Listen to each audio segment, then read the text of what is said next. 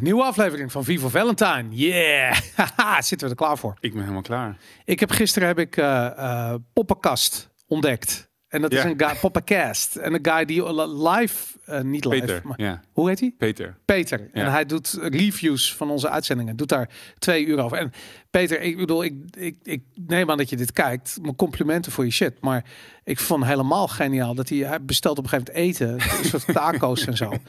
Ik heb één ding geleerd met, met eten. Als je twee dingen tegelijkertijd doet, waarvan een van die dingen eten is, dan geniet je niet van het eten. Hmm. Weet je, je kent toch dat je haal je een broodje ergens, een veug je een heel lekker broodje, veug je heel erg op en dan zit je een gesprek te voeren met iemand en dan een broodjes op. Daar heb je helemaal niet van genoten. Ja. Ik zie hem een soort taak of een burrito naar binnen werken. Dat ik denk tijdens het tijdens een Ik denk van, maar je geniet er niet van, dude. Mm. Dus ehm, Hij is ja, bezig met belangrijke zaken. geniet gewoon van je burrito's, gozer. Als je, als je, als je de reviews doet van Vivo Valentine. Ja, leuk. Het duurt al heel lang. Volgens mij echt al vanaf eh, bijna het begin. Oh ja, ik heb Ja. het gisteren pas eh, voor het eerst voorbij zien komen. Ik weet ook niet waarom, maar, eh, maar goed, ik zag het voorbij komen. Ja. Hey, wat gaan we vandaag allemaal doen? Eh, Justin Trudeau, eh, de zoon van Fidel Castro. ja, alleen maar goeie. Ja. Heb je de, het ding is, ik had het wel eens eerder gehoord. Ja. Ik dacht van, wat is dit nou voor crazy conspiracy bullshit? Mhm. Maar ehm, nu, omdat Trudeau zo'n opspraak is, zie ik heel veel mensen dat tweeten. En ik denk, ik google het eens. Maar eh, die shit heel veel mensen tweeten wat, dat hij de zoon van Ja, Castro is. allemaal Ja. memes. Dat hij de zoon van Mhm. Castro is inderdaad. En, en ik had zoiets van, ja, wat is dat nou voor, voor onzin? En ik zat het te zoeken. En, maar die, dat bewijs is echt overweldigend. Mhm. Dus wat er gebeurde, de vader van, ehm, eh, hoe zou ik het Zeg zeggen?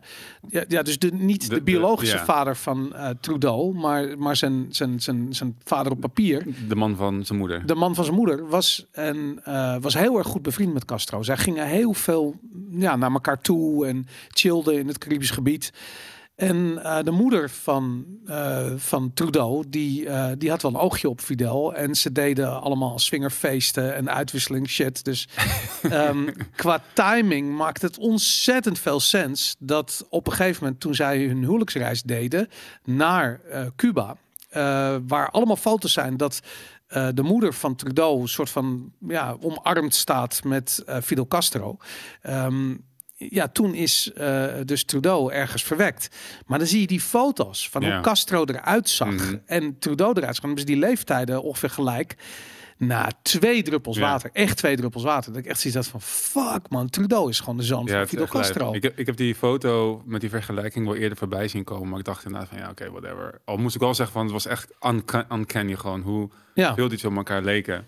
Maar jij ziet dat verhaal erachter door. En dan dacht ik van, oh ja, oké, it makes sense. Want hij heeft ook een of ander ode gehouden voor Fidel Castro, bij het overlijden van Fidel Castro. Dat wist ik helemaal niet. Dat las ik in het artikel. Oké, eh, ja, ja, ja. ja. Waar hij dus echt helemaal lopend was over wat voor man eh Fidel Castro geweest is voor, eh, voor de wereld en voor zijn Ja. volk en zo. eh. Nou ja, zowel zijn vader als zijn moeder, ehm, dus zijn, zijn, zijn vader op papier, als zijn moeder, waren groot, laat ik zo zeggen, fan is het niet is het verkeerde woord, maar ze waren ze aanbidden echt Castro. Hmm. En ze hadden echt zoiets van ja, dat is de toekomst waar de wereld heen moet. Hmm. Weet je? Dus dat, dat Trudeau helemaal opgevoed is in dat, ja, met dat marxistische idee van hoe de wereld gerund moet worden. Het is niet, ja, is niet meer dan logisch. Hmm. Weet je, dat Hmm. eh, heel interessant. Ja. zoiets van wat is dit nou weer voor rabbit hole? Maar goed, oké. En, en sowieso wel interessant, want ik, eh, we hebben het voor mij niet echt over gehad over de, over de truckers in Canada. Hebben we het over gehad? Ja, nee, we hebben het niet over de truckers gehad. Honk, honk. Wat want gebeurt dat, daar? Dat is natuurlijk nu de reden dat dit soort dingen weer boven water komen. Om, eh, omdat hij natuurlijk in, in de spotlight staat van... Ja, toch wel volgens mij een heel groot protest. eh, ook al zegt hij, zei hij zelf een paar, een, paar enkele Fr- de mensen. French minority. ja, ja, dat heeft hij gezegd. ja. Dat heeft hij wel gezegd. Het is een French minority. Het is niet een French minority. Dat is duidelijk. Want het heel Ottawa en nu ook gigantisch. eigenlijk heel Canada. Ik bedoel, niet heel Canada. Dat is natuurlijk een gigantisch land. Maar alle bewoonde, alle hoe noem je het, bevolkingscentra, daar zijn protesten. Mhm. Grensposten zijn afgesloten eh, met Amerika. Ehm, Amerikanen net over de grens doen mee ook. Dat vind ik ook nog zo'n. Het is gewoon, het werkt als, als een lopend vuurtje. Mhm. Gaat dit protest de ronde. En ja, eigenlijk alles wat de overheid probeert te doen. Nu wordt er weer benzine in beslag genomen. en Weet ik veel ja, wat. ik weet het, ja. Het, is, het werkt alleen maar averechts, weet je. En nu loopt iedereen met, met lege jerrycans. Of met water rond, of whatever. Dat, ehm, ja, het is Maar- alleen maar grappig. Maar ook mooi in dat, dat eh, de, de stad in, Ottawa maakt gebruik van eh, bedrijven uiteraard om, men, om auto's weg te slepen. Dus Ja. dat is allemaal contact. Ja, En eh, de helft zei ja, fuck you, we gaan niet doen. Ja. En degene die wel kwamen, die gingen meerijden in, in de optocht. ja, ja, ja. dus Heel veel zeiden ook van nee, we hebben corona allemaal. We kunnen niet slepen. ja, nee, het is, wat dat betreft heb ik het idee van het is klaar. Het Ja. is gewoon, ik, ik bedoel, ja, het- aan de andere kant heb ik ook zoiets van, we zijn gewoon ook twee jaar in het uitrollen van een autoritaire agenda. Mhm. Eh, het is logisch dat je dit soort protesten krijgt. Eh, wil niet zeggen dat het klaar is. En je ziet het bij ons. Eh, je ziet dat de druk toeneemt op het kabinet. En zeker op Kuipers. Maar 2G, 3G, 1G, weet ik veel hoeveel G. Het gaat niet weg. Het blijft. Het, het- weet je, er komen dan versoepelingen. Nou, het wordt treuriger en treuriger. Het is echt ongelooflijk dat het, het, het thuiswerkadvies komt te vervallen. Dat, soort, dat is het niveau waar we op terecht zijn gekomen. En dat wordt dan als een versoepeling. Niemand hield zich aan, een, aan dat advies. Weet je, ik bedoel, Dat, iedereen was, had dat was ook een nieuwsbericht. Nou, drie kwart van de mensen die eh hield Zo, oh aan. ja, was er een advies, joh. Joh, Ja. je meent het. Dat, eh, ik wou dat, dat, dat het betalen van belasting een advies werd. Ja, dat, eh, dat zou wat zijn. Maar, maar het is niet alleen, niet alleen dat, toch? Want ik heb wel het idee dat er dat, zeg maar, eh, een, een nieuwe wind door de media heen waart een beetje. Of ik weet niet wat het is. Ik ben altijd heel sceptisch als zo'n om, Ja. omslag plaatsvindt. Maar je ziet sinds een paar weken dat de, de berichtgeving wel verandert. Het was eerst gewoon continu zo'n live blog bovenaan ja. met dit is wat er gaande is. Zoveel besmettingen, zoveel mensen in het ziekenhuis. En ook al was dat los van de besmettingen, de rest stelde niks voor, was het wel elke dag bovenaan in het nieuws. Ja. En voor mij een week of twee geleden zag ik in één keer ander nieuws bovenaan staan. Ook langer dan een minuut. Ja. Dus het lijkt wel dat de berichtgeving verandert. Je ziet ook wat meer protest. Dat die actie van eh, Mona Keizer Ja. en maar, eh, on- on- onverdeeld open. Ja, dat was- onverdeeld open. Ja, met 800.000 handtekeningen.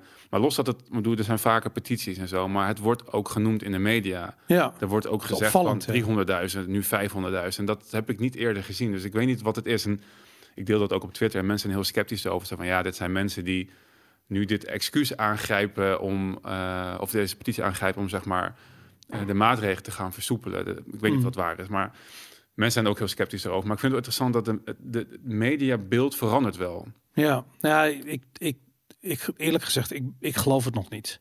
Wat ik eerder geloof is dat, laat ik zo zeggen, ik zie het terug in opiniestukken. En ik kan me voorstellen, als je een columnist bent voor een krant of weet ik veel wat, dat je, ja, je bent wat meer op zoek naar onderwerpen. En dit zijn onderwerpen waar je niet echt omheen kan. Dus ik denk dat in die opiniestukken komt dat dan ongeveer terug. En een goed voorbeeld vind ik. eh, ehm, en dat was een partij. Ik, ik bedoel, ik heb ooit gewerkt voor, voor BNR Nieuwsradio, de Cryptocast gemaakt, podcast. Ehm, en toen zag ik al hoe, hoe politiek gekleurd ze keken naar een onderwerp als Bitcoin, bij Mhm. wijze spreken. Weet je, ik bedoel, dan zie je gewoon van het FD, dat is de FD Mediagroep, eh dat ik bedoel dat dat zit gewoon in de zak bij de bankaire sector en de financiële industrie. En daar komt zoveel geld van binnen eh, in de vorm van advertenties. Dat er is helemaal geen ruimte om te praten over bitcoin. Toen in ieder geval, misschien nu een klein beetje. Maar als ze er nu iets over zeggen, is het voornamelijk negatief. Mhm. Maar ehm, eh, hoe heet ze? Eh, Marianne Zwagerman schrijft een column voor BNR Nieuwsradio. En daarin had ze dat onderzoek aangehaald uit Japan, waarin werd gesteld dat ivermectine werkt. Sorry jongens, ivermectine werkt. En eh, dat is, was reden genoeg voor BNR om die hele column Hm. niet uit te zenden. Daar zijn we nog maar. Mhm. Dit is BNR Nieuwsradio. Dit was. Ik, ik weet, het is een commerciële zender. En eh, eh, AstraZeneca en Pfizer betalen daar podcasts. En ze hebben een soort BNR gezond. En dat wordt letterlijk door AstraZeneca betaald.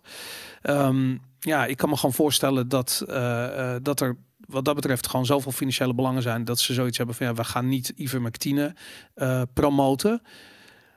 Ik heb gewoon zoiets van ja, het probleem is dat de waarheid eh, is de afgelopen twee jaar eh, echt soort van ja, die is in het gedrang gekomen. Mhm. En dit soort mediapartijen, ik bedoel, ik heb ik, ik werk al 30 jaar in de media en er is één ding dat was altijd heilig vroeger en dat is dat de salesafdeling en de hoofdredactie van elkaar gescheiden zijn. Mhm. En dat is al lang niet meer zo. Mhm. Dat is dat je ziet het gewoon hier, weet je. Ik bedoel, wat kan het weet ik van de hoofdredacteur van BNR schelen eh, wat eh, wat Marianne Zwagerman over ivermectine zegt? Waren het niet dat het financiële gevolgen heeft en dat zijn targets niet gehaald worden? Mhm. Dus ik heb wat dat betreft heb ik zoiets van ja, BNR Nieuwsradio en FD Media Groep fucking waardeloos. Weet je, Mhm. ik bedoel, ik ja. het, het zijn, het zijn uh, clowns. En, en niet alleen zij, maar kijk, aan de ene kant heb je de commerciële partijen, die zijn allemaal, uh, worden die eigenlijk gestuurd door advertentieinkomsten. Dus wie betaalt, die bepaalt. Nou, dat, dat, dat is één. De rest is door de overheid uh, gefinancierd. Uh, en nou ja, daar geldt ook wie betaalt, die bepaalt. Dus mm. Ja, ik, ik, ik denk hier en daar een opiniestuk maakt nog geen lente of zo. Nee, nee niet in de zin van dat de media nu uh, in één keer wel zijn werk doet natuurlijk. Maar dat, ik vind het eigenlijk met dit verhaal als achtergrond des te opvallender dat ze dit soort dingen wel publiceren en afgelopen twee jaar niet. Ja, nou ja, het was afgelopen twee jaar zo bar en boos dat dit inderdaad aanvoelt als een frisse wind. Uh, ik ben gewoon heel erg sceptisch. Maar in, in de zin richting wat er met de maatregelen gaat gebeuren of de, de, de verbetering van de media? Want die tweede, dat, dat is niet wat ik probeer te zeggen. Nou, die, die, die, eh, die corona, dat corona toegangsbewijs moet weg. Ja, precies. Dat is de basis van, die, uh, van de manier waarop zometeen dat uh, AID, dat digitale, uh, die digitale identiteit er doorheen geramd gaat worden. En daarom gaat het niet weg. Daarom krijgen we het thuiswerkadvies komt te vervallen. Maar het fucking meest onzinnige corona maatregel, namelijk dat, dat die QR-code, die letterlijk, ik bedoel, sorry, maar als jij gevaccineerd bent en corona krijgt, wat in mijn omgeving overal gebeurt. Iedereen die die booster heeft, wordt opeens ziek, weet je, die heeft dan opeens corona. En uh, die testen nog gewoon, uh, uh, of die testen positief en die krijgen gewoon een, een behouden een groene QR-code. Mm -hmm. Sorry, maar dan werkt je fucking shit niet meer, weet je. En dan is het gewoon klaar over en uit, weg, weg met die rommel. Maar nee, want er moet nu nog 29 miljoen bij, want het moet nog een jaar uitgerold worden. En weet ik van, en waarom? Omdat het zometeen onderdeel gaat uitmaken van je AID. En dat, um, ja, dat is treurig. En ik, ik zie dat niet zomaar stoppen. Nee, dat, dat denk ik ook. Dat is denk ik en ook de volgende stap nu. Uh, dat is natuurlijk een hele uh, petitie van onverdeeld open gaat erover. Dat is namelijk open ja. zonder coronabewijs. Dus dat is op zich ook weer mooi dat dat dan nu wel aandacht en tractie krijgt. Maar goed, of het gaat gebeuren is een tweede. Want ik heb ook al berichten gezien van de EU die zeggen... we moeten met vliegverkeer het komende jaar nog dat, uh, zeg maar die maatregelen houden. Ja. Toen reageerde iemand ook al van ja, dit is waarschijnlijk net zoals met 9-11, dat is tijdelijk en dat blijft dan. Dat blijft voor eeuwig. De, ja. de, rest, uh, de rest van je leven zo. Uh, en hetzelfde geldt, je hebt nu natuurlijk dit weekend, uh, zaterdag, dat uh, de nacht staat op. Dus de, het, het, nachtleven dat heeft gezegd, het is genoeg. Ja. We zijn twee jaar dicht, we gaan nu open. Ja, met een corona-toegangsbewijs. Ja, dat is het ding, inderdaad, met een corona-toegangsbewijs. Dus ja. we gaan al open tegen de regels in. En vervolgens wel nog inderdaad dat de corona-toegangsbewijs vragen. Ja. En dan denk ik van, ja, de politie heeft dus van, vandaag aangegeven, vandaag woensdag... Um, maar dit is allemaal politiek. Dit is gewoon letterlijk. Ik, ik weet zeker dat die Koninklijke Horeca Nederland, die gaat met Kuipers zitten en die zegt van we zijn het zat, we willen open tot 12 uur of weet ik wat. Uh, en dan zegt Kuipers, ja dat is goed, maar dan ga je wel corona toegangsbewijs ga je en dat gaan we niet handhaven, dan mag je open. Ja, dat, nou, dat, dat zou heel goed kunnen. Dat, dat is ook waar ik over aan het speculeren was. Want waarom ga je open met dat toegangsbewijs inderdaad? En ja. de politie heeft al gezegd dat ze niet gaan controleren. Nee.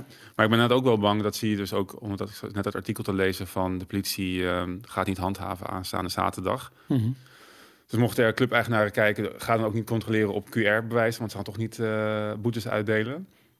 Maar daar, op de reacties van mensen op, op dat medium, zie je gewoon dat, ze, dat, dat er nog steeds heel veel mensen zelf zijn gaan pleiten nu voor dat QR-bewijs. En dat is volgens mij wel wat, je, wat nu de afgelopen twee jaar gewoon gebeurd is met die angstpropaganda. Is dat heel veel mensen uh, er zelf voor staan nu. Voor ja, maar ze zijn geïnvesteerd in dat, in dat narratief. Ja. En ik denk, en dat is, het, uh, um, dat is het stomme met die mondkapjes ook. Dat op het moment niemand draagt het en dan is het opeens weer verplicht tussen aanhalingstekens. En dan zet iedereen het op. Een soort van, zo wordt er geluisterd naar de overheid. De overheid knipt in zijn vingers. En iedereen die springt in de, in de houding en zet zijn mondkapje braaf op. En ik begrijp het gewoon niet. Ik begrijp niet dat het. En dat, dat vind ik zo raar, weet je. Dat, dat Nederland is niet het land wat ik dacht dat het was. Ondanks dat ik zeker weet dat er misschien wel tussen de 3 en 5 miljoen Nederlanders wakker zijn. Weet je, die zien wat er gebeurt. Zoals Gideon van Meijeren zegt, van die zijn streetwise en die mm. laten zich niet uh, besodemieteren. Ik geloof dat direct, weet je, dat dat meespeelt. Dat als je niet ontvankelijk bent voor bullshit, dan zie je, doorzie je dit gelijk, mm -hmm. weet je. Dus, uh, maar goed, helaas, het merendeel van de Nederlanders is volledig ontvankelijk voor bullshit. En zelfs als ze misschien snappen van ja, oké, okay, dat het maakt niet helemaal sens en het narratief en weet ik wat, maakt niet helemaal sens. Dan hebben ze gewoon zoiets van ja, maar dit is het. Dit is het verhaal waarin ik geloof. Dit is hoe Nederland er nu uitziet.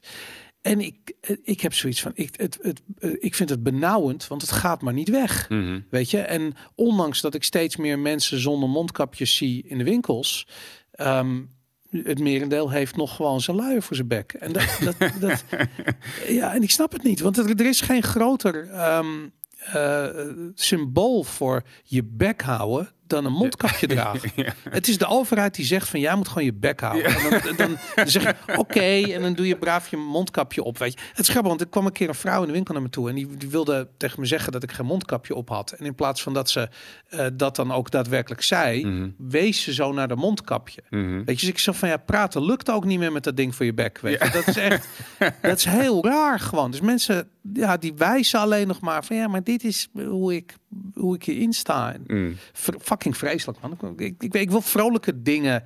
Ehm, ik, ik, ik moet er ook om lachen, weet je. En ik vind het ook belangrijk om er vrolijk over te doen. Maar Jesus Christ, af en toe dat ik, dat ik gewoon zoiets heb van... wat is dit voor land, man? Waarom zijn mensen zo, zo, zo van goederen trouw of zo? Ja, ik weet het niet. Het is, ehm, het- ik denk, wat interessant is wel die rol van de media die je net schetste over nou ja, eigen ervaring bij BNR en wat, wat wie, wie betaalt bepaalt. En ik vind het zo, daar hebben we eerder over gehad. Ik vind het raar dat dat follow the money idee, Ja, wat vroeger volgens mij bij, bijna elke journalist of elke kritische denker gewoon eh, aanhing en uitzocht, dat dat nu totaal ver- verdwenen is. En als je Ja. gaat kijken naar hoeveel geld er stroomt inderdaad van de farmaceutische industrie naar media, ja. was, ik was eh, naar, naar, naar veelvuldig, ehm, op veelvuldig advies van jou aan, naar de No Agenda podcast aan het luisteren Ah. eh, gisteren. Vet, ja. De laatste. En dat ging, eh, of nee, die en die van Tom Woods trouwens. Voor mij was het Ah, Tom Woods met Adam Curry. met Adam Curry.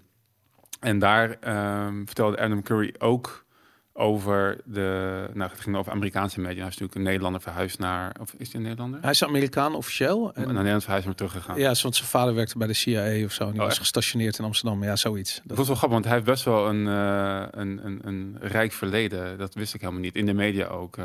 Ja, maar ik, ja, ik, weet, ik weet niet, maar ik ben opgegroeid met hem Ja, als ik- presentator van Countdown en zo, weet je. En ik heb zelfs nog een keer met hem ontmoet, omdat wij wilden een soort, je had een website, en was de eerste website die video deed, dat heette heavy.com. Het was ook heavy vanwege het dataverkeer ja, toen. ja, ja. En iedereen had nog een inbelverbinding. En wij wilden dat in het Nederlands doen. Mhm. En toen hebben we met hem gezeten daarover. Oh, en uiteindelijk zijn we toen Blammo begonnen. Dat was eerst was dat een website. Mhm. En eh, dat, ja, toen, toen hebben we met Adam Curry daarover gezeten inderdaad. En via via, omdat hij een bitcoiner is en de bitcoin community is heel klein. Mhm. ehm, ja, is het, het is een klein wereldje. Ja. Dat, ehm, Ja, maar, maar hij was ook al heel, heel veel bezig met inderdaad met, ehm, met podcasts en met, met, met, met radio en met, met media. Dus ik vond heel, hij zei van ja, ehm, alle grote ehm, televisiekanalen, maar en ook Fox zei die van die zitten gewoon in de zak bij de farmaceutische industrie. En dan zie je dus ook een hele eenzijdige berichtgeving.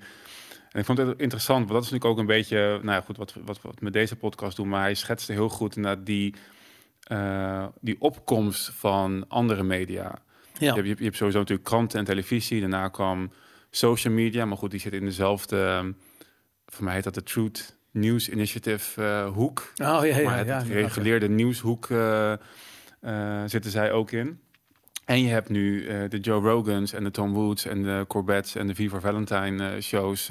die wel, zeg maar, die, die eigenlijk oude rol van de media aan het oppakken zijn. En onderzoek doen. Ik vond het een heel... En ik vind dat... Nou goed, dat is wel wat mij ook hoop, hoop geeft. Is dat mensen steeds meer naar dat soort ehm, initiatieven luisteren. Maar dat En- gebeurt toch ook? Ja. Ik bedoel, Joe Rogan is natuurlijk met zijn 11 miljoen gemiddeld... eh, ja, ik bedoel de best beluisterde. Maar ik, ik heb juist zoiets van alles wat daaronder zit... bij elkaar opgeteld. Ja. Vele malen groter. Mhm. Er is zoveel. En dat vind ik zo tof, hè? Omdat vorige week hebben we natuurlijk... ehm, zijn we best wel in de, naar de basis gaan kijken van wat is libertarisme, wat is kapitalisme. Mhm.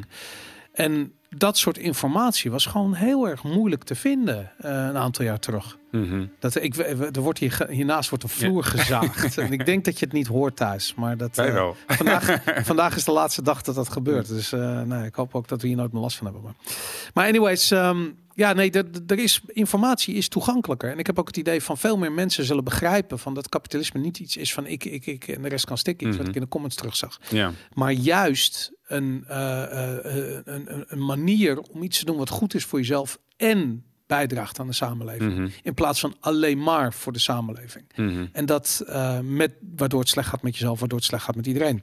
En dat, dat idee, dat, dat, ja, dat is nu veel makkelijker te vinden. En ik, ik was van de week te gast bij de Holland Gold Mm. podcast met Paul Buitink. En Mhm. ook daar ging eigenlijk alleen maar daarover, over vrijheid. En ja, als ik ook de reactie, dan zie ik van voor toch voor veel mensen is dat nieuw. Weet je, die hebben dat, omdat je dat via de reguliere media, krijg je dat nooit te horen.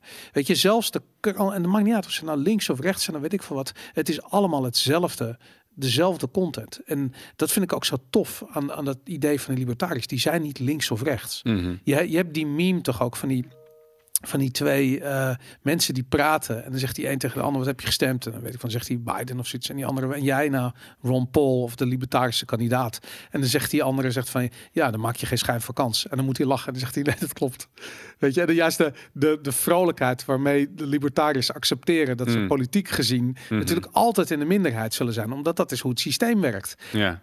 Behalve de reden waarom lacht hij, omdat het is een grassroots movement en het komt van de bodem naar boven borrelt het en het is niet te stoppen. En dat is, eh, eh, de- ja, politiek is, de- de- de- dat is het laatste bastion wat uiteindelijk veroverd wordt. Maar Het is wel grappig, want eh, ehm, ik zag Larry Sharp, het was een kandidaat voor de Libertarian Party in, voor gouverneur in New York. ja, Die reageerde op een, ehm, op een reactie wat, wat hiermee te maken heeft. Want de LP wordt altijd gezien als een partij die geen kans heeft in Amerika. uh-huh. Maar ook als de partij die ervoor zorgt dat een van de twee andere partijen het niet wordt. Ja, ja, Dus ja. het is aan de ene kant is het een hele in, insignificant partij. Aan de ja. andere kant zijn ze ehm, berucht genoeg zeg maar, om de verkiezing te stelen van dan wel de Republikeinen of dan wel de Democraten. Ligt eraan wie het zegt. Maar dat heb je links, dat heb je bij Bernie Sanders, heb je dat ook net. Er wordt ook van gezegd doordat mensen op Bernie Sanders stemden en niet op, eh, wat was het, Hillary eh, in de tijd, heeft Trump gewonnen. Ja, het wordt, wordt altijd aangehaald. Maar ik vond het grappig, want die Larry Sharp die zei van ja, we zijn dus een, inderdaad een Schrödinger, Schrödinger's party, zeg maar. We zijn zowel niet invloedrijk als wel heel erg invloedrijk. Ja. Eh, maar goed, ja, dat. ehm, het is inderdaad niet. Ik, ik merk het ook, en dat is ook het leuke van die podcast, van deze podcast. En ik merk dat eh, ehm, dit meer bereik heeft dan zeg maar de politieke beweging van de LP. Ja, Uh, want politiek gezien is, het blijft het toch een beetje een, een, een vreemd verhaal dat je pleit voor minder of geen politiek en dan via politiek dat wil bereiken, zeg maar. Ja. Goed, ik, ik vind dat je alle, uh, hoe zeg dat, alle wegen die er zijn moet, uh, moet uitproberen om die vrijheid die, uh, nou, die we voorstaan te, te bewerkstelligen. Mhm. Maar goed, het heeft inderdaad in, in, zowel in Amerika als in Nederland of andere landen, want het is namelijk een wereldwijde beweging. Er zijn heel veel zusterpartijen wereldwijd. Ja. Australië, Engeland, Nederland, Amerika. Zuid-Amerika ook. Zuid-Amerika zijn trouwens best ook effectief in die grassroots beweging. Daar hebben ze, ik weet niet meer wanneer dat was, een paar jaar geleden die, die zittende president uh, um, ook afgezet. Of niet afgezet, maar in ieder geval door hun beweging. Oh ja? Welk land was dat? Brazilië. Oh ja? Dat was zo'n hele populaire beweging. En die was van eigenlijk de Students for Liberty. Dat oh, hoe heet die guy ook weer? Um, God. Nu heb je Bolsonaro en daarvoor had je... Huh, oh, iets... Uh, ik weet niet meer. Fuck. Dat Jamie. Je, ja, ze hebben mensen aangemeld voor de Jamie. Ja, uh, we hebben echt een Jamie nodig. Jesus Christ, het wordt steeds erger. En um, maar dat, dat is inderdaad, denk ik, um, ja, dat, dat, is volgens mij gewoon het, allerbelangrijkste. Dat is dat die grassroots beweging. Je ziet dus dat uh, partijen zoals de Students for Liberty, wat dus een wereldwijde studentenvereniging is, die niet zeggen dat ze libertarian zijn, maar ze zijn het wel. Ja. Expres willen ze een beetje de politiek op, op de achtergrond houden. In Nederland, Paul Buitink is trouwens de oprichter van de chapter van uh, Students for Liberty in, uh, in Amsterdam. De jongere partij, dus de jongere afdeling van de Libertaire Partij, toch? Ja, het was niet, niet een jongere afdeling, het heette LIJP, dus uh, Liberale Jongere Platform. Oké. Okay. Um, en dat, maar dat is eigenlijk een afdeling van Students for Liberty, maar was en ook een soort van de onofficiële afdeling van uh, Libertaire Partij, Libertarische Partij toen nog. Die president heette Lula. Lula. Lula, daarom, is, daarom ik, zit, ik wist dat het zoiets was. Daarnaast zijn er nog wel een boel andere presidenten geweest, maar ik dacht dat Lula degene was die is afgezet door. Uh, Hoe lang geleden was dat? Hij was tot 2010 was hij president. Daarna kwam Dima Rousseff, een dame. Daarna Michel Temer, nooit van gehoord. Die heeft dat twee jaar gedaan. En nu hebben we dus al drie jaar Bolsonaro. Hmm. Maar goed, oké, okay, fuck it.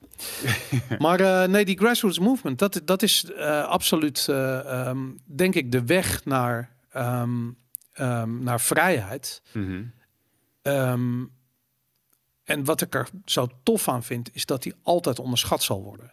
Dus het effect van een grassroots movement wordt altijd onderschat. Mhm. Dus eh, net als bijvoorbeeld, ehm, ehm, eh, hoe heet het, eh, Occupy Wall Street een grassroots mo- movement was, die insloeg als een bom. Ze hebben uiteindelijk helemaal, ja, wat hebben ze nou gedaan? Ze hebben gewoon, ze hebben eigenlijk alleen maar gewezen naar de bankiers en gezegd van jullie zijn de oorzaak van dit probleem.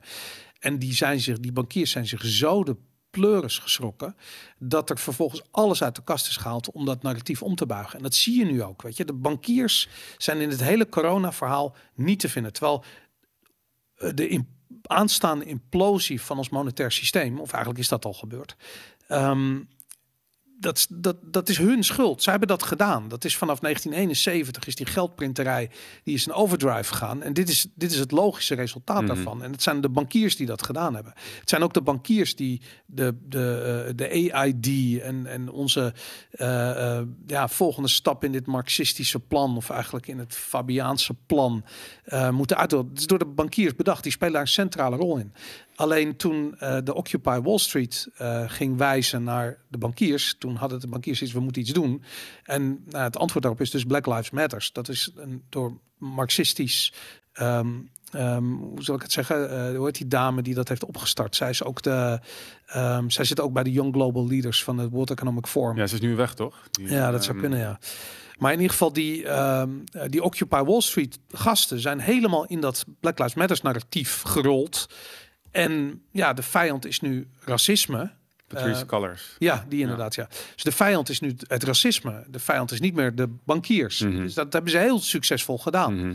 Ehm, maar zo zie je maar van oké, de ene grassroots movement volgt de andere op, weet je. En nu zie je, nu komt dus Bitcoin is eigenlijk ook een eh, antwoord op die crisis in 2008. En eh, ik denk eerlijk gezegd dat het eh, libertaire gedachtegoed ook een antwoord is. Ik bedoel, dat bestaat natuurlijk al heel lang, maar de hernieuwde eh, ehm, populariteit ervan is een antwoord op wat er het autoritaire eh, beleid wat er vanuit de EU wordt uitgerold, eigenlijk wereldwijd wordt uitgerold. Dus dat, die grassroots ontwikkelingen zijn fantastisch. En Mhm. ze zijn altijd decentraal. En je ziet dat ook in de media. Dus weet je, iedereen die begint een podcast. En fuck it, weet je. En dan worden er drie worden er geband van YouTube. Maar er staan er zes nieuwe te springen om, Ja. om, de, om de vlag op te pakken. Mhm. Dat is super tof. Ja, het, het was trouwens misschien... eh, het was de Free Brazil Movement. Ja, Movimento Brasil Livre. En dat was... eh, zij hebben meegeholpen met de impeachment van president Dilma Rousseff.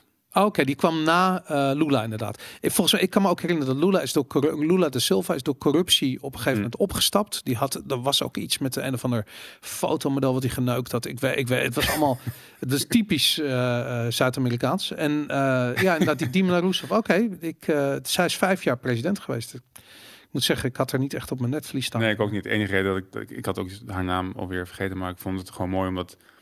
ehm, in het Atlas-netwerk, waar ik wel vaak over het had, wat ook zo'n libertarian think tank movement is, Ja, Die hebben dus ook specifiek gezegd, we gaan dus niet politiek eh, beïnvloeden met de politiek zelf. We gaan dat doen via eh, een denktanknetwerk die dus onderzoek doen, artikelen publiceren, de media benaderen, experts benaderen en indirect en politie benaderen, maar niet zelf een politieke partij starten. En ik denk, Ja. ja. ik denk dat dat eh, dat is misschien ook het enige mooie aan, aan eh, zeg maar deze twee jaar en deze onzin en di- dystopie die over ons uitgestort is. Dat mensen zijn gaan nadenken over wat er gebeurt en bewust zijn geworden van de invloed van de overheid en politiek, van de invloed van Mhm. eh inderdaad het, het groot kapitaal. Want dat is ook wel, misschien nog inderdaad, we hebben het toen vaak over communisme, marxisten. En mensen wijzen dan naar grote bedrijven. ja. En dat is natuurlijk ook waar, voor mij vorige keer ook gezegd, maar dat is ook waar wij niet voor pleiten. Dat, dat zij in bed met de overheid bepalen hoe wij ons, Ja. onze maatschappij inrichten. ja. Ehm, maar dat, dat mensen daar bewust van worden dat, dat dit niet de weg is en dat decentralisatie de weg is, zowel met ons geld als inderdaad de media via podcast. En nou goed, het is nu die strijd met Joe Rogan die gaande is. Ik ben heel benieuwd hoe dat gaat, eh, gaat uitpakken. Want hij zit natuurlijk al lang niet meer op YouTube. Nee. Maar nu wordt Spotify onder druk gezet doordat mensen hun muziek willen weghalen. En Ja, het aandeel Spotify 24% gekelderd, volgens mij. Daar nog. gekelderd. Ah. Ja, ja, ja. En Dat is ook- wel grappig, want Rumble had dus de alternatief voor YouTube had een bot gedaan van 100 miljoen Ja. aan Joe Rogan. En die aandelen gingen daardoor door het dak heen. Maar goed, Ja. misschien dat ze dachten dat... eh, Ja, ik, kijk, ik kan me voorstellen dat Joe Rogan zijn contract openbreekt met Spotify. Ehm, dat, ik bedoel, iedereen staat te wachten, maar ik denk dat het gewoon he- heel duur gaat zijn. En aangezien dat contract een waarde heeft van 100 miljoen en ik weet niet wat er al van is betaald of wat er al van is, eh, hoeveel we daarvan al hebben gehad. Maar volgens mij zit hij een jaar of nog niet eens op, op Spotify. mhm. Ehm, leuk dat er iemand anders met eh 100 miljoen staat te zwaaien. Maar hoogstwaarschijnlijk gaat Joe Rogan er niet zoveel van zien op het moment dat er een of ander ja, heel waardevol contract moet worden Ja. uitgekocht of afgekocht. We weten het niet. Ik, ik, ik vind het interessant. Ik vind het jammer dat Joe Rogan zijn excuses heeft aangeboden. Wat ik heel interessant vond is de hoek waaruit de aanval kwam. Want hij zou, hij zou dan de N-word hebben gebruikt. Nou, Mhm. big deal in Amerika. Natuurlijk iedereen helemaal soort van in rep en roer. Want Joe Rogan is een racist. En hij is natuurlijk ook al voor die linkse crowd is hij de belichaming van de blanke boeren, trucker die honk honk, eh, weet ik veel, eh, ja, revolutie wil als het ware. Wat, wat heel grappig is, want hij, hij is politiek gezien, ehm, we hadden het daar net over, hij is niet per se die vrijheidsvechter, voorvechter. Hij is gewoon heel kritisch. Hij noemt zichzelf Ja. volgens mij ook een liberal. Hij is fan van Bernie Sanders. Dus het is helemaal Ja. niet dat hij, dat hij nou in, in dat, dat plaatje daadwerkelijk inhoudelijk ook vervult. Hij komt uit Boston, heeft daarna in LA gewoond. Ja. Weet je, nu woont hij toevallig in Texas, maar Mhm. dat is echt niet waar zijn roots liggen. Nee, Mhm. dat, is, dat vind ik zo grappig. Dat, dat inderdaad, het enige wat hij doet is kritische vragen Ja. stellen.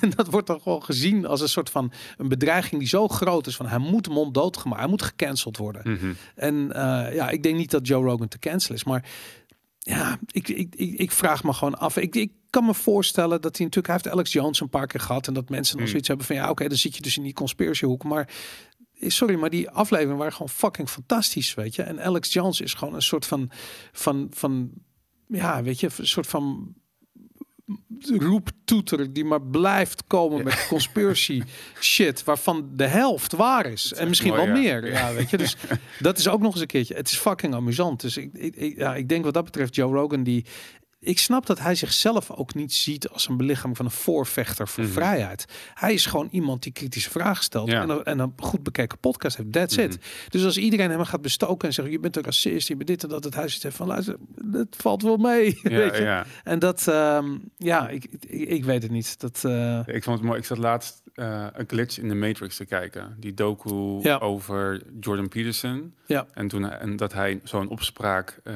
raakte door... ehm, hij is als eerste gecanceld op de universiteit waar hij zat. Ja. Dat, eh, ja, klopt ja. Nou, tenminste, hij heeft daar, hij is daar volgens mij hij heeft nu, hij heeft daar wel gewerkt nog de hele tijd. Hij kreeg heel veel gezeik, maar hij heeft Ja. wel zijn rol behouden. Hij is nu volgens mij een maand of twee geleden pas, pas gestopt bij de universiteit. Oké.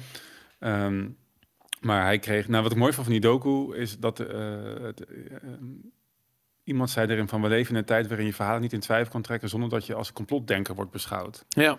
En dat is natuurlijk wat, wat eh, de rol van de media hoort te zijn. En wat Joe Rogan inderdaad doet. Op het moment dat jij nu kritisch nadenkt, dan word je automatisch...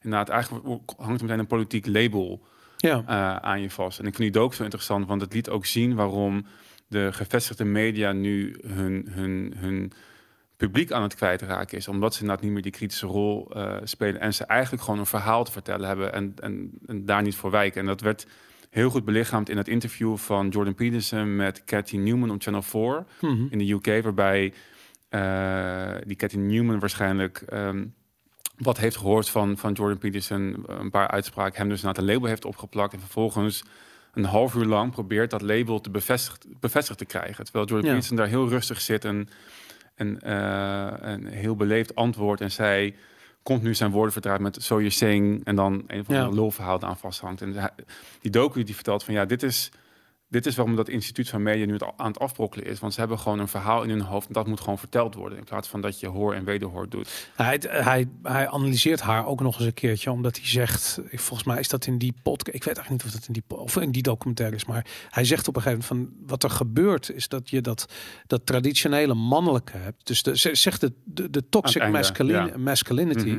Ehm, daar wordt de man op afgerekend. En hoe gaan vrouwen die rol opvangen door iets te ontwikkelen wat heel erg lijkt op dat toxic masculinity, maar dan door de vrouw uitgevoerd. Dus hij zegt van ja, weet je, dat empathische wat vrouwen hebben, dat is zij kwijt in dat interview. Waarom? Mhm. zij, zij neemt daar, zij trekt een jas aan van Ik ben nu in charge. Ik ga dit nu. En hoe doet zij dat? Niet op een vrouwelijke manier. Ze doet het op een mannelijke manier.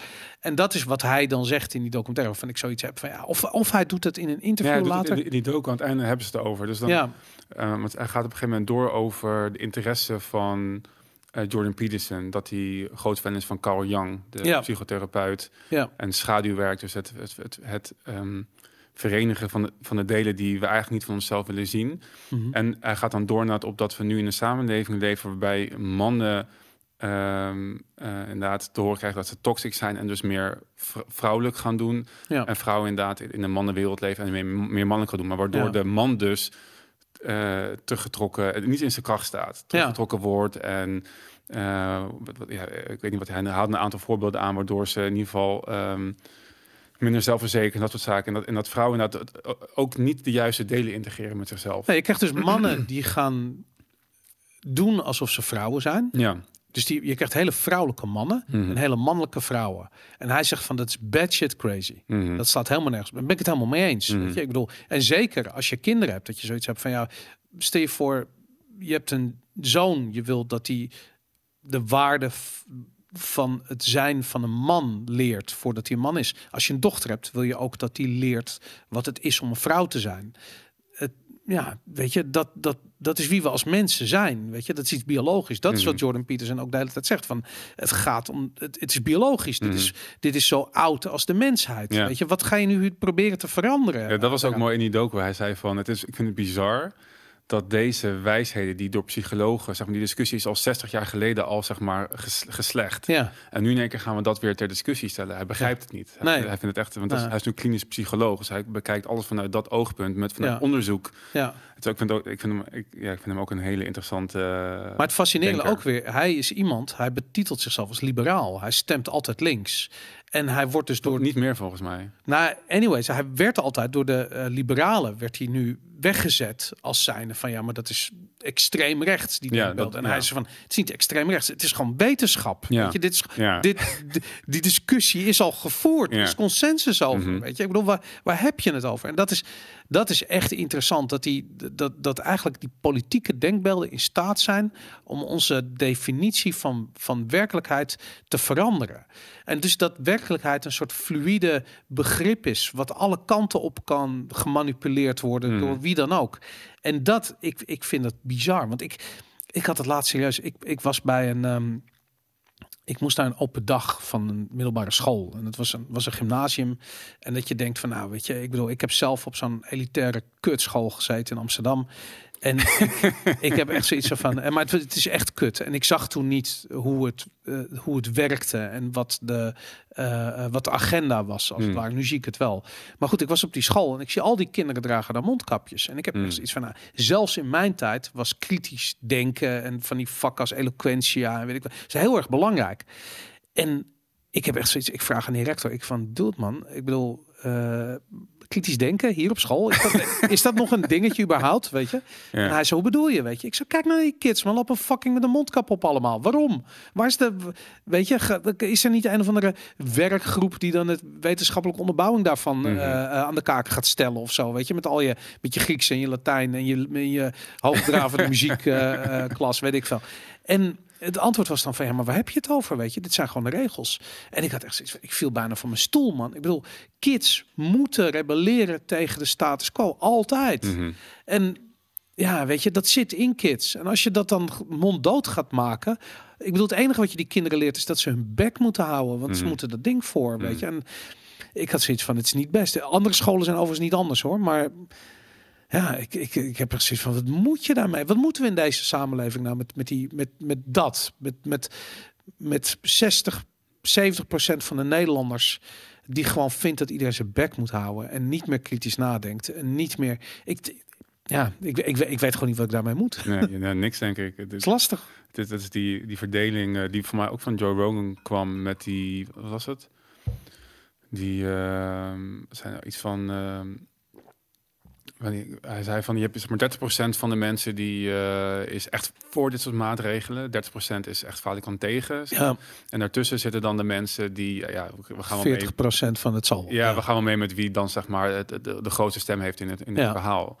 Dus dat, ja, wat moet je ermee? Ja, de grootste stem krijgen. Ja. Dus meer, meer, meer media. Want dat was het mooie wat van, van die, vond, vond het echt een mooie docu. Je had hem al gezien, toch? Die, Ja, die- ja ik heb heel lang geleden al eh, Vorig jaar kwam die uit, heb ik hem gezien. over, over dat, ze- hij noemde dat in- institutional political blindness van, van de media. En ehm, ja, ik, ik, wat jij net ook zei, wat je van mij bij Holland Gold over had, is dat de media ehm, is gestopt met het voeren van dat gesprek over grondbeginselen. Ja, Van wat, is het, wat betekent het nou om mens te zijn? Wat, wat, wat, is nou, wat, is, wat is nou een leven? ja, Als je kijkt naar dat afgelopen twee jaar, dat leven blijkbaar betekent dat je in ieder geval nog ademt. ja, Maar verder alle aspecten van je leven gewoon vergeet. Dat je gewoon binnen Precies zit dat, achter ja. een gordijn. En, niet, ja. en, en dat is niet leven. En dat is volgens mij wel waar de politiek op, altijd al op, eh, op vaart. Is dat we moeten mensen zo lang mogelijk laten ademen. Weet je, als het als aan hen ligt, dan lig je in een bed aan een infuus en dan adem en dan word je 120 en dan is het perfect. Want dan hebben hun zeg maar, hun werk goed gedaan. ja. Terwijl het leven is natuurlijk gewoon veel meer dan dat. Het leven is een aaneenschakeling van ervaringen, van leerprocessen, van fouten maken, vallen en opstaan. ja. Eh, dat maakt, definieert je als mens. Dat je fouten maakt, dat je weet wat, dat je ervan leert en dat je, dat je gewoon een rijk leven hebt met allerlei ervaringen. En dat is. Maar je kunt dat niet kwantificeren. Die Nee. discussie is het vreemd genoeg. Een jaar of tien geleden, toen, had, toen werd er ook gezegd... we hebben een minister van geluk nodig. Weet Hmm. je? Omdat het geluk is niet te kwantificeren. En eh, er wordt alleen maar gekeken naar... Weet ik veel, naar geld, bij wijze van spreken. Of naar eh, eh, een goed voorbeeld vind ik dat op een gegeven moment de Amerikaanse overheid een, ehm, eh, een, een een bedrag had geplakt over wat het leven van een Afghaanse burger waard was. Mhm. Uh, en ook, en een, ik weet niet meer, dat was iets van 20.000 dollar. En een Amerikaans soldaat was dan 200.000 dollar of iets dergelijks. En zo konden er dus af. Ja, maar de- het grappige is dat je, je het, omdat het zo fucking krankzinnig is. Je, je als, als je als manager moet je eh, eh, problemen kunnen kwantificeren, want anders kun je ze niet in kaart brengen en kun je niet eh, kun je geen, geen beleid uitrollen om te proberen het probleem te verbeteren. Het, het, waar wordt dat echt een probleem? Op het moment dat je de werkelijkheid uit het oog verliest, niet meer ziet dat, het, dat die cijfers die je voor ogen hebt eigenlijk een abstractie zijn van een veel complexere werkelijkheid om dan ehm, eh, waar je, eh, eh, als je daarop gaat sturen, dat je niet de complexe werkelijkheid uit het oog mag verliezen. Maar deze generatie van, van nou ja, bestuurders die we hebben, en het, en het vindt plaats op elk niveau, van de Tweede Kamer tot, weet ik veel, de, de, de gemeenteraad van Kutkrabbeveen, bij wijze van spreken. Het gebeurt overal.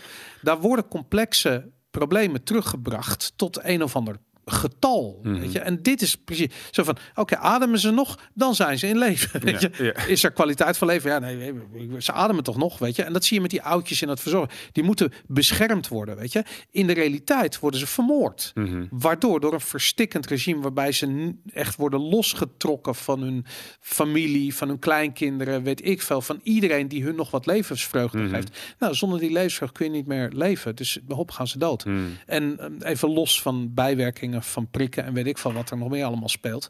Eh, of gewoon corona, whatever. Maar ja, als je, als je dus complexe problemen terugbrengt tot abstracte getallen, dan krijg je dit soort bullshit. Mhm. En we zijn daarin zo ver doorgeschoten. Weet je, je ziet het ook in die klimaatpolitiek, waarbij ook gekeken wordt naar getallen Mhm. die, weet je, dat, die nachtmerrie van die modellen de hele tijd. Mhm. Weet je, die, die modellen die nooit kloppen. en dat is het ook. Kijk, een model is niet meer dan een model. Weet je, ik bedoel, je, als, je- al heb je het over de prijs van een aandeel, wat, waar een of ander model op geformuleerd is, of dat je het hebt over die klimaatmodellen. Mhm. Je doet er data in. Je doet er hele complexe. Eh, realistische scenario's breng je terug tot een abstractie. Dat doe je in een model om vervolgens een beeld te schetsen van een complexe eh, eh, realiteit in de toekomst. Mhm. Dat is fucking insane. Dat slaat nergens op. Niemand kan dat. Je kunt niet een, een complex systeem terugbrengen tot een, tot een abstractie en er vervolgens weer een soort van complex systeem uit distilleren. Je raakt alles kwijt wat er daadwerkelijk toe doet. En daarom zie je dat die modellen nooit kloppen. En Mhm. Ja, weet je, soms kun je denken van oké, misschien is het gewoon onhandigheid.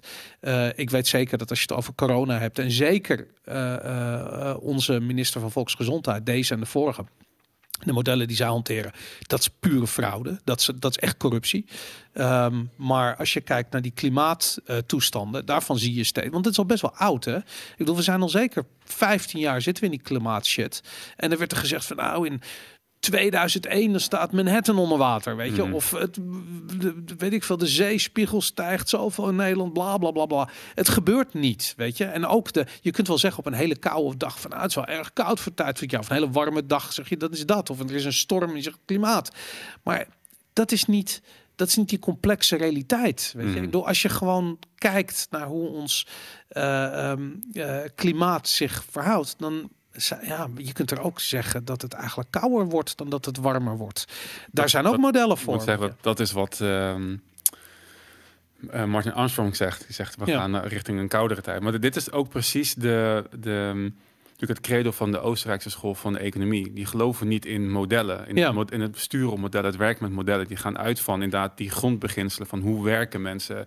En van daaruit eh, ehm, ehm, stellen ze zeg maar, beleidsmaatregelen voor. Of eigenlijk het eh, ehm, weghalen van beleids, eh, beleidsmaatregelen.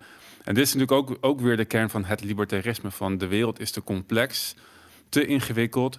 Mensen eh, zijn over het algemeen eh, te kortzichtig eh, om dit te kunnen aansturen. Zeg. Ja. Het hele idee van die maakbare samenleving komt van mensen die denken dat ze deze complexe wereld inderdaad in modellen kunnen vangen en zo kunnen sturen zoals zij naar de uitkomst die zij voor ogen hebben. Ja. Het is echt, eh, ja, het is natuurlijk ontzettend veel wensdenken. En ja, ja ik weet niet. Ik, denk, ik, ik hoop dat mensen gaan inzien dat dat gewoon niet werkt. En dat we die, die politieke invloed op allerlei vlakken moeten gaan terugschalen. Zodat we, zodat we, nou, gewoon dat we weer wel die menselijkheid kunnen, Ja. kunnen gaan krijgen. Ja, en inderdaad, dat, dat, dat, dat cijfertjes denken. Ik, ik, ik had laatst had ik ook zo'n voorbeeld dat, ehm, dat ging over IQ-testen. En iemand die zei van nou, een hoog IQ, of die, die, die was eigenlijk aan het opscheppen dat, dat zijn kind een heel hoog IQ had. Mhm. En nou, er was een IQ-test en was, weet ik veel, tegen de 150, weet ik veel, een van de krankzinnige getal. En ik had echt zoiets van, iedereen en zijn moeder tegenwoordig heeft kinderen met een, eh, met een hoog IQ. Weet je, dat is een soort van, iedereen, moet- iedereen moet in een plusklas en dan weet ik veel wat voor hulp er allemaal moet zijn en het kind moet uitgedaan, weet ik veel. En ik had echt zoiets van, weet je, ook weer zo'n definitie. Is het niet gewoon zo dat het probleem hem zit bij een gedeelte van mensen die gewoon niet zozeer hoogbegaafd zijn, maar gewoon zwak begaafd zijn. En dat we, weet je, Maar dat wat was het probleem met- die? Ik snap het probleem even niet. nou, op het moment dat jij bijvoorbeeld in aanmerking wil komen voor een of andere plusklas, of je Ja. wil een of andere eh, speciaal onderwijs, omdat je, ja. ja. omdat je gewoon vindt dat je kind niet genoeg gestimuleerd wordt op school. Nou, dan, dan moet je dus, dat, dat kan, maar dan moet je dus, dan moet wat onderzoek gedaan worden en heb je dus de diagnose nodig hoogbegaafd. Eh da, daar daar gaat het al mis. Weet je, dat soort diagnoses zijn per definitie een abstractie van een heel complexe eh, verzameling van factoren teruggebracht tot stempeltje hoogbegaafd, waar je Mhm. niets aan hebt verder. Hè? Maar goed, oké. Eh, en ik had echt zoiets van, ja, dus iedereen loopt te schermen met dat stempeltje wat ze hebben en waarom ze allemaal een plusklas en dit moet. Terwijl in realiteit, ze zijn helemaal niet hoogbegaafd. Weet je, het probleem wat werkelijk speelt, is dat het een groot gedeelte van de mensheid is gewoon letterlijk zwak begaafd. Of figuurlijk zwak begaafd. Mhm, mhm. Ik bedoel, kijk naar de mondkapjes in de supermarkt. Weet je, daarvan denk ik gewoon van, daar speelt gewoon absoluut gebrek aan kritisch eh, vermogen Ja. eh, een rol. Misschien zijn die mensen allemaal wel zwak begaafd. En misschien moeten we daar, moeten we daar plusklasjes voor inrichten. Weet je, want Ik, Ja. weet, ik weet niet of dat het is. ik denk wel dat mensen inderdaad eh, heel veel moeite hebben met een met confrontatie aangaan en wat meer schaduwwerk mocht, zouden mogen doen, wat meer hun persoonlijk narratief eh, onderzoeken. Eh, de, de vooronderstelling die zij bij zichzelf hebben, die ze waarschijnlijk hebben opgedaan in hun jeugd, omdat Mhm. weet ik veel wat voor een gebroken gezin je komt, wat heel veel mensen hebben, wat niemand er wat aan kan doen, maar wel je eigen verantwoordelijkheid is op het moment dat je volwassen bent om er iets mee te doen. ja. Mensen willen gewoon geen confrontatie aangaan. Ze zijn gewoon doodsbang om andere mensen boos te maken. Maar En- dat zijn de mensen die een mondkapje onder hun neus trekken.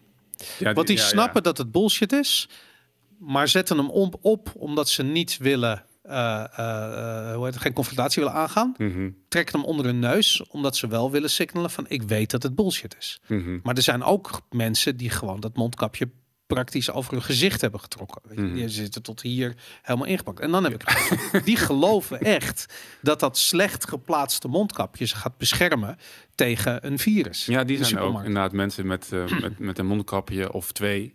Ja, En dan nog zo'n spatscherm ervoor. Of ook een mooie mensen alleen met een spatscherm. Zit ook bij mij in de, bij de Jumbo loopt iemand rond die heeft dus zeg maar zo'n weet ik veel, het is zo'n plastic ding. Alleen zo'n plastic ding, zeg maar, zo, zo ver was zijn mond af.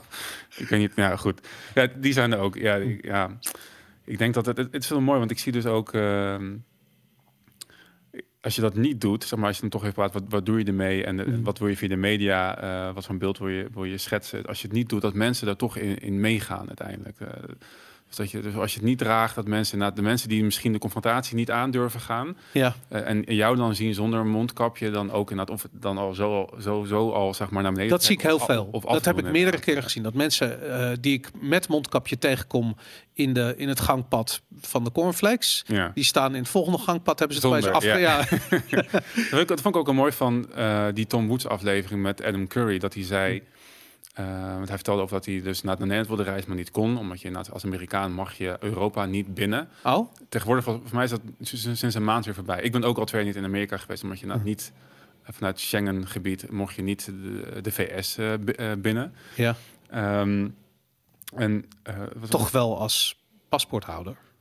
Ja, voor mij uiteindelijk wel als paspoorthouder inderdaad. Ja. Ja, ja maar Want- dat was in het begin mochten we helemaal niet. Toen we als paspoorthouder inderdaad. en, en, en, en nu is volgens mij nog steeds. Eh, nu moet je voor mij gevaccineerd zijn als je uit dit gebied komt. Dat sowieso, ja, ja. Eh, maar Adam Curry, wappies welkom. eh, ja, Adam Curry die zei van ja, ik wilde naar Nederland, dat kon niet. Dus toen ging ik met mijn vrouw zoeken waar ik wel naartoe kon gaan. Hawaii mocht niet voor de maatregelen. En toen bleek Aruba zeg maar de plek te zijn waar ik wel naartoe kon gaan. Mhm. En, maar hij zei van ja, ik ga dus wel mensen mailen. Ik ga wel zeg maar eh, reisbureaus en landen mailen zo van ja, yo, ik wilde naar jullie toe gaan, maar het, het mag niet. Ik wil Ja, elke stap van de weg laten zien dat ik het niet eens ben met wat er hier gebeurt en dat zij Ja. Geld mislopen omdat ik, eh, eh, omdat ik omdat ik daar niet naartoe kon gaan. Eh, ik vind dat ja, ik weet niet, ik vond het wel Maar ik vind dat, dat vind ik zo belangrijk. En vooral in Nederland nu met dat corona-toegangsbewijs. Dat ik zoiets heb van ondernemers moeten weten dat ze je klanditie kwijtraken als ze vragen om die QR-code. Ik heb dat gedaan bij een sportschool waar ik al heel lang ging. En die begonnen dus, nou goed, zoals al- elke sportschool begonnen om QR-codes te vragen. En ik heb gewoon gezegd van luister, ik word pas weer lid van deze sportschool als jullie stoppen met die shit. En in de tussentijd verdien je gewoon geen cent aan. mhm. En, zij, en dan zeggen ze van ja, maar we controleren niet echt. En het is gewoon voor de Hmm. vorm. Mm. En ik heb echt zoiets van, ja, het kan me geen reet schelen, weet je. Als je me vraagt om mijn telefoon te laten zien en een QR-code te scannen, eh, sorry, ik doe gewoon niet meer mee, weet je. Ik Hmm. vind dat gewoon zo ontzettend kut. En ik heb mezelf ermee, want ik kan dus nu al heel lang niet meer naar de sportschool, wat ik echt heel kut vind. Maar ik wil het gewoon niet supporten. Mhm. En dat, ehm, ja, ik vind het moeilijk, man. Ja, ja ik, ik merk dat dus bij, eh, ik, ja, ik weet niet mijn sportschool doet het helemaal niet meer afgelo- afgelopen weken. Zeg maar, ze deden Oh, geen, geen, eh, Nee, ik weet niet hoe ik moet zeggen, want ik weet dat de minister van Justitie en Veiligheid er ook traint. eh, oh ja? Dat is mijn buurvrouw, ja. Eh, maar goed, ik, ze, deed, ze, ze deden al heel, ze deden al heel shady erover en nu is het gewoon, eh, Is gewoon niet klaar. meer. Ja. Nou, maar dat Misschien vind ik bij haar als zij binnenkomt. Oh, oh ja, vraag. Ja, ja. ja daar- zij moet wel. Ja. Ik vind dat zij nog tot in een eeuw, eeuw, eeuwigheid moet ze die QR-code laten zien hoor. Dat, eh, als je meehelpt met deze poppenkast, met die shit, met het kutregime, dan ga je ook de, de, de zure vruchten ervan van plukken. Weet je, dat, eh, dat idee heb ik wel. Ja, Maar goed. Zullen we stoppen? ik denk dat het eh mooi mooi was. Ja. Mooi. Dit was Vivo Valentine. Tot volgende week.